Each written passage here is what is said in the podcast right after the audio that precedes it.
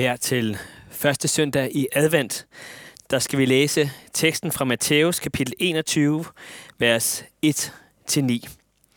Dette hellige evangelium skriver evangelisten Matthæus.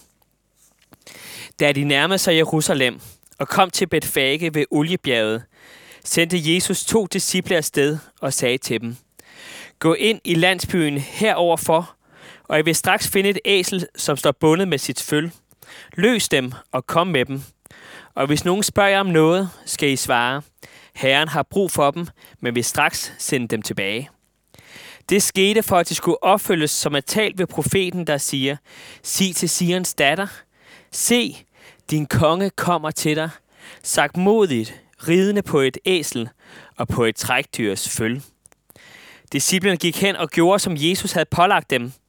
De kom med æslet og følget og lagde deres kapper på dem, og han satte sig derpå. Den store folkeskare bredte deres kapper ud på vejen. Andre skar grene af træerne og strøede dem på vejen. Og skarne, som gik foran ham, og de, der fulgte efter, råbte, Hosianna, Davids søn, velsignet være han, som kommer i Herrens navn. Hosianna i det højeste. Amen. I dag er det den første søndag i det nye kirkeår. Og her har man ønsket, at den første tekst, vi skulle møde, det var en tekst, der på alle måder understreger, at Jesus, han er konge. At han har al magt i himlen og på jorden. At han er mægtig, at han er værdig, og han er værdig al vores pris. Vi læser en tekst, hvor mennesker, de breder deres kapper ud på vejen, og de skærer grene af træerne, som om i stedet for flag, så flager de med, med, øh, med grene fra træerne, og så strør de dem på vejen. Og så går skaren foran ham, og de råber, Hosianna, Davids søn. Altså, de råber, der er kommet en ny Davids søn, en ny konge over Israel, over, som skal herske over hele verden. Og så siger de, velsignet være han, som kommer i Herrens navn, Hosianna i det højeste. Vi skal altså have om, at Jesus han er konge. At Jesus han er konge, det er altså vigtigt. At han har al magt i himlen og på jorden. At han skal komme igen i herlighed. Og han allerede nu øh, ønsker at kalde mennesker til at anerkende ham som konge. Det er det, vi skal være sammen om. Og nu skal vi bede. Kære himmelske far, du sendte Jesus til denne jord som konge. Og Jesus, nu er du ved faderens højre hånd i det høje, og du er konge over alt. Og en dag skal du komme igen i herlighed. Herre, nu beder vi dig om, at der i, i denne prædiken må lyde et kald til at påkalde dig og anerkende dig som konge allerede i dag. Vær du ærens konge for mig nu. Vær du ærens konge for alle, der hører det. Lad os anerkende dig som det. I dit eget navn. Amen. Før vi skal rigtig til teksten her, så vil jeg egentlig starte et helt andet sted. Nemlig ved det danske folketingsvalg, som vi havde for, ja, for mit, i mit hoved er det lang tid siden, men det er jo faktisk under en måneds tid siden, at vi havde valg i Danmark der skulle vælges en ny regering. Og jeg ved ikke, hvordan I har det, og hvad I synes om resultatet af valget. Om I var mest til den røde blok, eller den blå blok, eller noget i midten, eller hvad det nu var, som I synes, der skulle have været resultatet. Men øh, jeg synes, det var et fantastisk valg. Jeg synes bare, yes, det var et godt valg. Og derfor vil jeg gerne sige til os alle sammen, tillykke med valget. Tillykke med valget, og tillykke med det resultat, der kom. Og øh, inden I sådan tænker, at jeg sådan skal bekende partikulør, så vil jeg sige, at det, jeg ønsker jer tillykke for, det er ikke, om det nu var den ene eller den anden blok, eller hvordan det nu ender. Nej, det jeg vil sige tillykke for, det er, at vi fik et valg i god ro og orden. Der var en smule problemer med en, nogle valgsedler i, i Nyborg, men ellers så gik det vist ret godt til. Temmerne, øh, stemmerne blev talt op, og alle har anerkendt vandet det er blevet det, det blev det, som er mit ønske, og som er mit håb for hver gang, netop at det bliver demokratiets festdag. Og det synes jeg, det blev. Vi står tilbage, og jeg kender ikke nogen i hvert fald, som ikke synes, at det var anerkendt vandet. Det var, som det skulle være, og det blev det. Små ting skete der selvfølgelig, men alt i alt, så fik vi et valg, som, øh, som var en fejring af demokratiet. Og øh, jeg synes, demokratiet er helt fantastisk. Og, øh, og vi skal glæde os over det, og vi skal værne om det. Det synes jeg, vi skal. Og også fordi, at det er faktisk enormt skrøbeligt. Øh, der har jo været demokrati i Danmark i sådan cirka 150 år. Og det har jo været... Øh, og for os er det måske blevet sådan lidt, selvfølgelig er der demokrati, selvfølgelig, selvfølgelig går valgene okay, så selvfølgelig er det, det virker det sådan dumt at kalde det demokratiets øh, festdag, fordi det er sådan en selvfølgelighed. Man klapper heller ikke længere, når et fly lander, fordi jamen det, det plejer at lande. Men øh, det gjorde man i gamle dage, og, og jeg, jeg synes, vi skal gøre det stadigvæk. Klapper over, når, øh, når vi har en, en dag, som understreger demokratiet. Fordi det er bestemt ikke en selvfølge. Og det tror jeg også mange af os ved, at det ikke er i øjeblikket. Nu har der også lige været valg i USA, og så vidt jeg ser, så gik det også sådan ganske udmærket, men det kunne have gået galt. Og øh, det, gjorde jo, øh, det, jo, det gik jo galt for to år siden, ved at, en, at cirka 30 procent ikke anerkendte valget, og at tænke, at det var et godt valg. Og det er da frygteligt.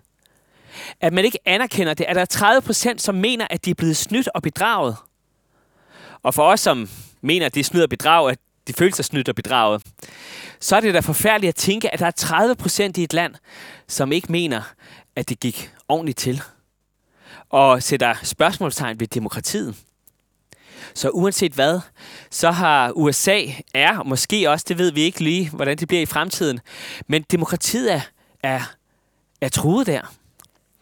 Så har vi et sted som, ja, Rusland. Ja, det er jo sådan set også demokratisk. Der bliver valgt en demokratisk præsident. Han bliver valgt, men som vi jo kan fornemme, så er det gået dårligere og dårligere til. Folk har set på, mens at flere og flere rettigheder er blevet taget væk.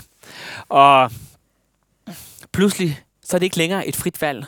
Det er ikke længere en demokratiets festdag. Nu kan Putin bare sidde og gøre lige, hvad han vil. Så vil jeg nævne et andet sted, hvor der ikke er demokrati, og vil heller aldrig rigtig for alvor have været, eller ikke har været det, og det er Kina. Men selv i Kina, der har der været nogle stopklodser, som gjorde, at de kinesiske ledere kunne ikke blive ved at være ledere og, og, øh, og øh, i fem år, altså i flere og flere valgperioder. Nej, efter to valgperioder, så var det slut. Så skulle der komme en ny til, så skulle der ændres, så skulle der luftes lidt ud. Men øh, det er nu afsluttet. Xi Jinping han kan blive lige så længe han vil. Han har afskaffet den lov. Så nu er det væk. Og på, samme, og på den måde betyder det, at demokratiet forskellige steder er ved at blive truet, og derfor så synes jeg, at vi skal være glade for, at vi har demokrati i Danmark.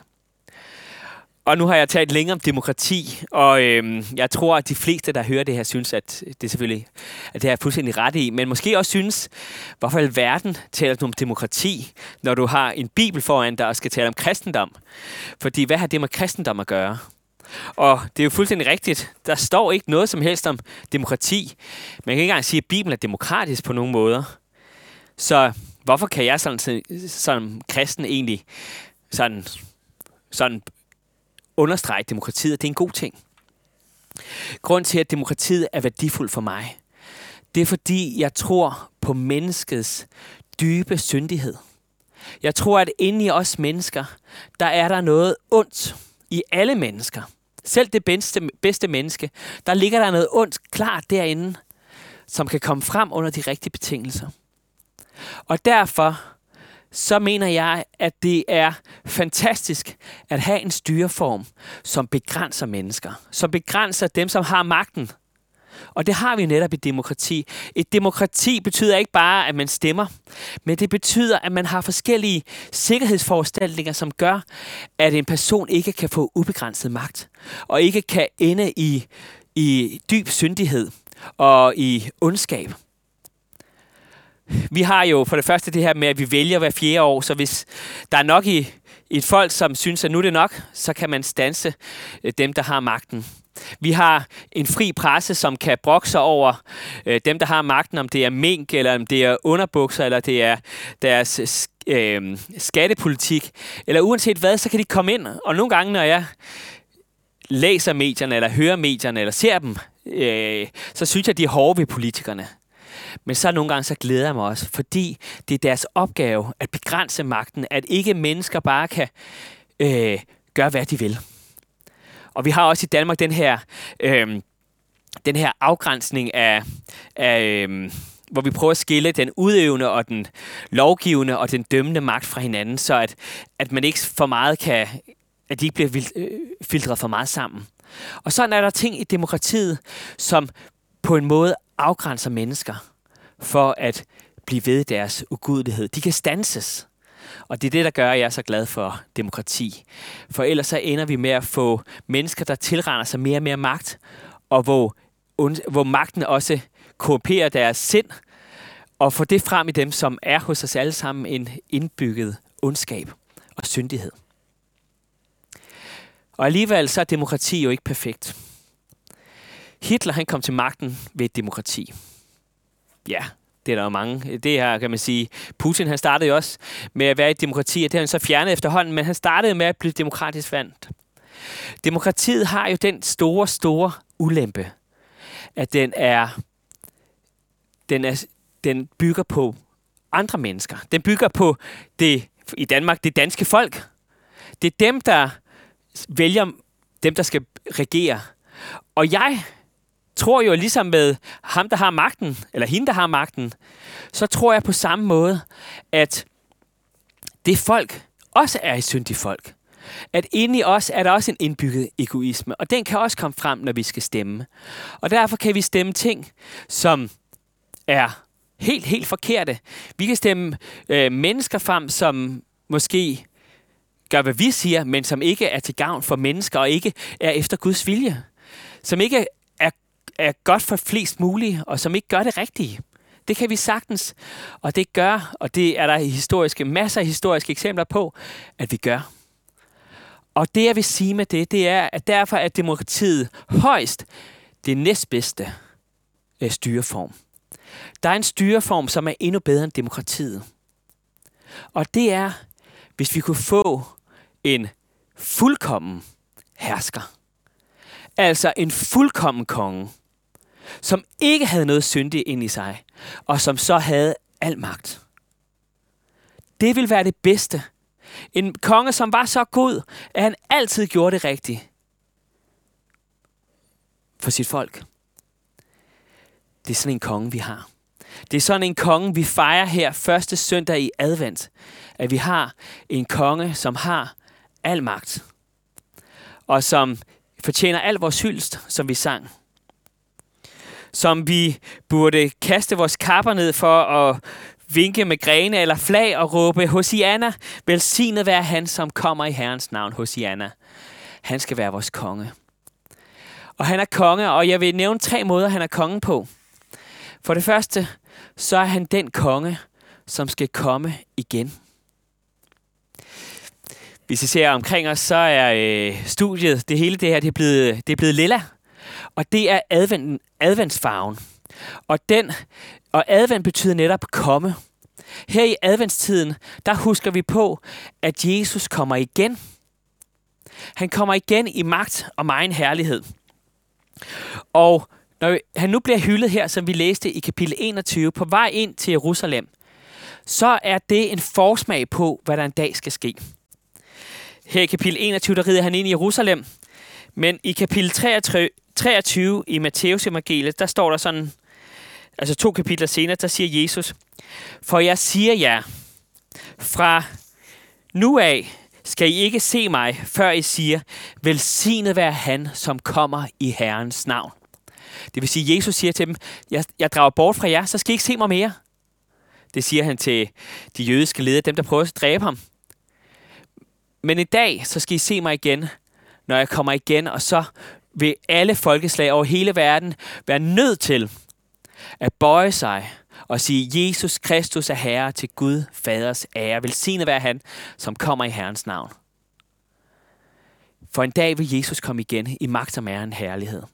Da han red ind på, til Jerusalem på et æsel, så var det bare en forsmag på den dag, Jesus kommer igen i magt og megen herlighed. I Johannes åbenbaring, der står der sådan her, i kapitel 19, vers 11, Og jeg så himlen åben, og se, der var en hvid hest, og han, der rider på den, hedder Tro og Sandro, og han dømmer og strider med retfærdighed. Så der kommer en på en hvid hest en dag. Og så står der i vers 16, på sin kappe og på sin hofte har han et navn skrevet. Kongernes konge og herrenes herre. Og vi kunne sige præsidenternes præsident, statsministernes statsminister. Han er over det hele, og han kommer en dag i magt og megen herlighed. Det er det, vi tænker på her i adventstiden. Og grunden til, at vi har farven lilla, det er fordi farven lilla, den symboliserer bod, omvendelse. For når han kommer, så kommer han for at dømme levende og døde. Jeg sprang over i Johannes åbenbaring, men nu læser jeg lige her. Der står videre om ham, fra vers 12 af. Hans øjne er som lune ild. På hovedet har han mange kroner, og han har et navn indskrevet, som ingen kender, undtagen ham selv. Han er klædt i en kappe dyppet i blod, og hans navn er Guds ord. Herrene i himlen fulgte ham på hvide heste og var klædt i lysende, rene lindeklæder.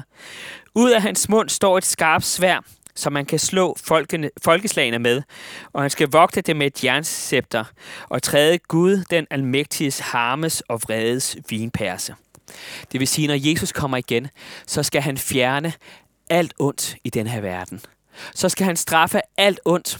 Der bliver brugt så voldsomt et ord, som at han skal at hans klæder er døbet i blod, og han skal træde den almægtige, Gud den almægtiges harmes og vredes vinperse. Altså, det betyder, at han skal straffe.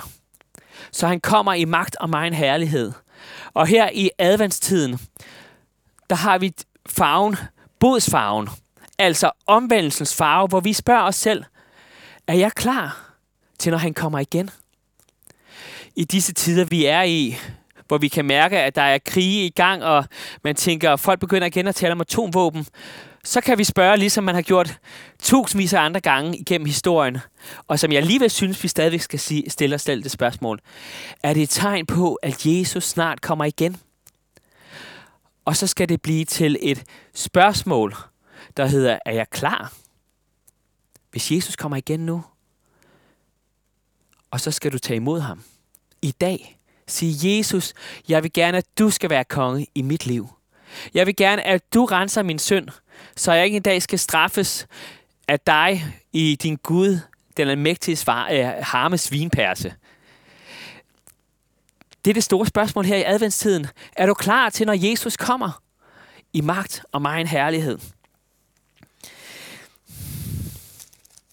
Matteus kapitel 21 er jo vores hovedtekst, men hvis man bladrer, så havde vi her kapitel 23 om, hvordan han skal komme igen. Og det samme har vi også i kapitel 24, og der står der i Matteus kapitel 24, vers 30.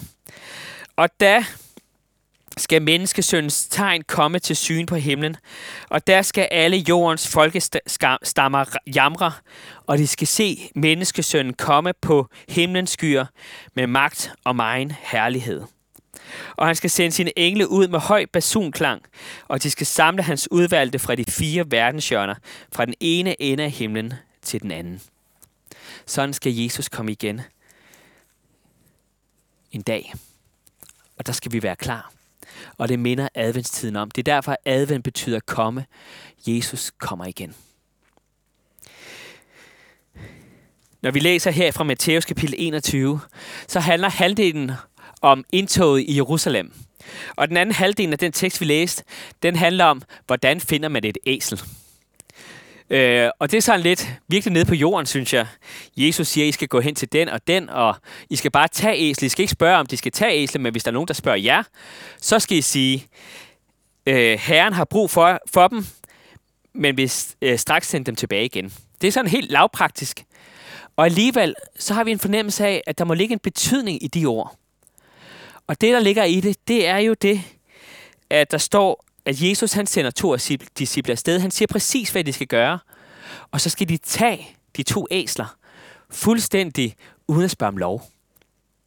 Og når så er der en, der spørger, hvorfor gør I det, så skal de sige, Herren har brug for det. Altså, herrenes herre, kongernes konge har brug for det. Og så får vi klart fornemmelse af, at det må have været en af Jesu disciple, der har ejet de her æsler, og derfor har sagt, selvfølgelig, hvis kongernes konge har brug for det, så må han låne det.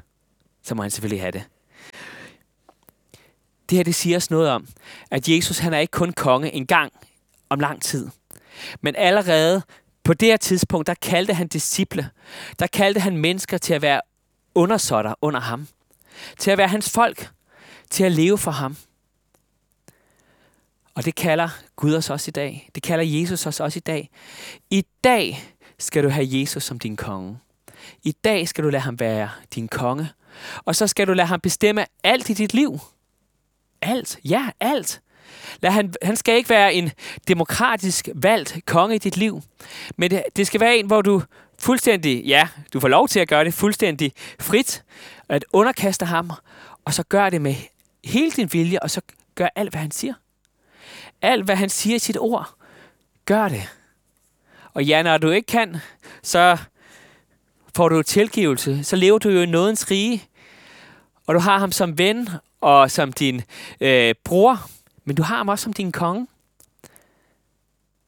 Du skal have ham som din konge. Jeg ved ikke, hvordan du har det med det. Har det med at skulle underlægge dig fuldstændig en anden, et andet menneske. Ja, det er jo Gud, men et andet væsen så. Hvordan har du med det?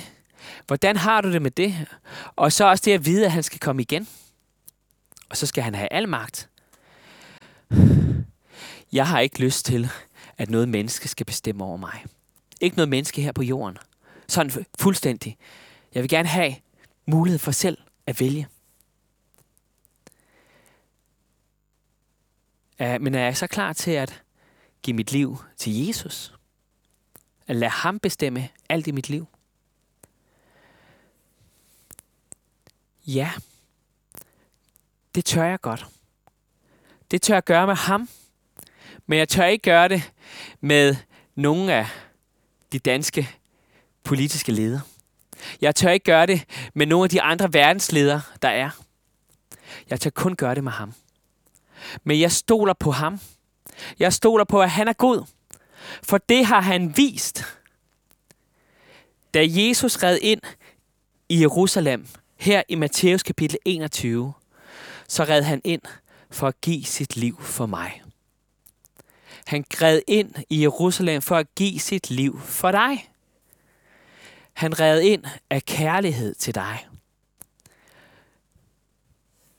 Demokrati er højst den anden bedste styreform, men den allerbedste styreform vil være at have en konge, som er fuldt ud god, som er fuldt ud kærlig, som er fuldt ud retfærdig. Og det er Jesus. Og hans godhed og hans kærlighed, det bliver vist, da han rider ind i Jerusalem.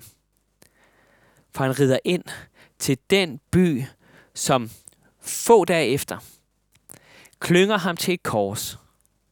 Men han rider ind alligevel, selvom han ved, det er det, han skal. Fordi han gør det af kærlighed til dig. Og på korset fik han en krone. En tornekrone. Han blev gjort grin med som som konge.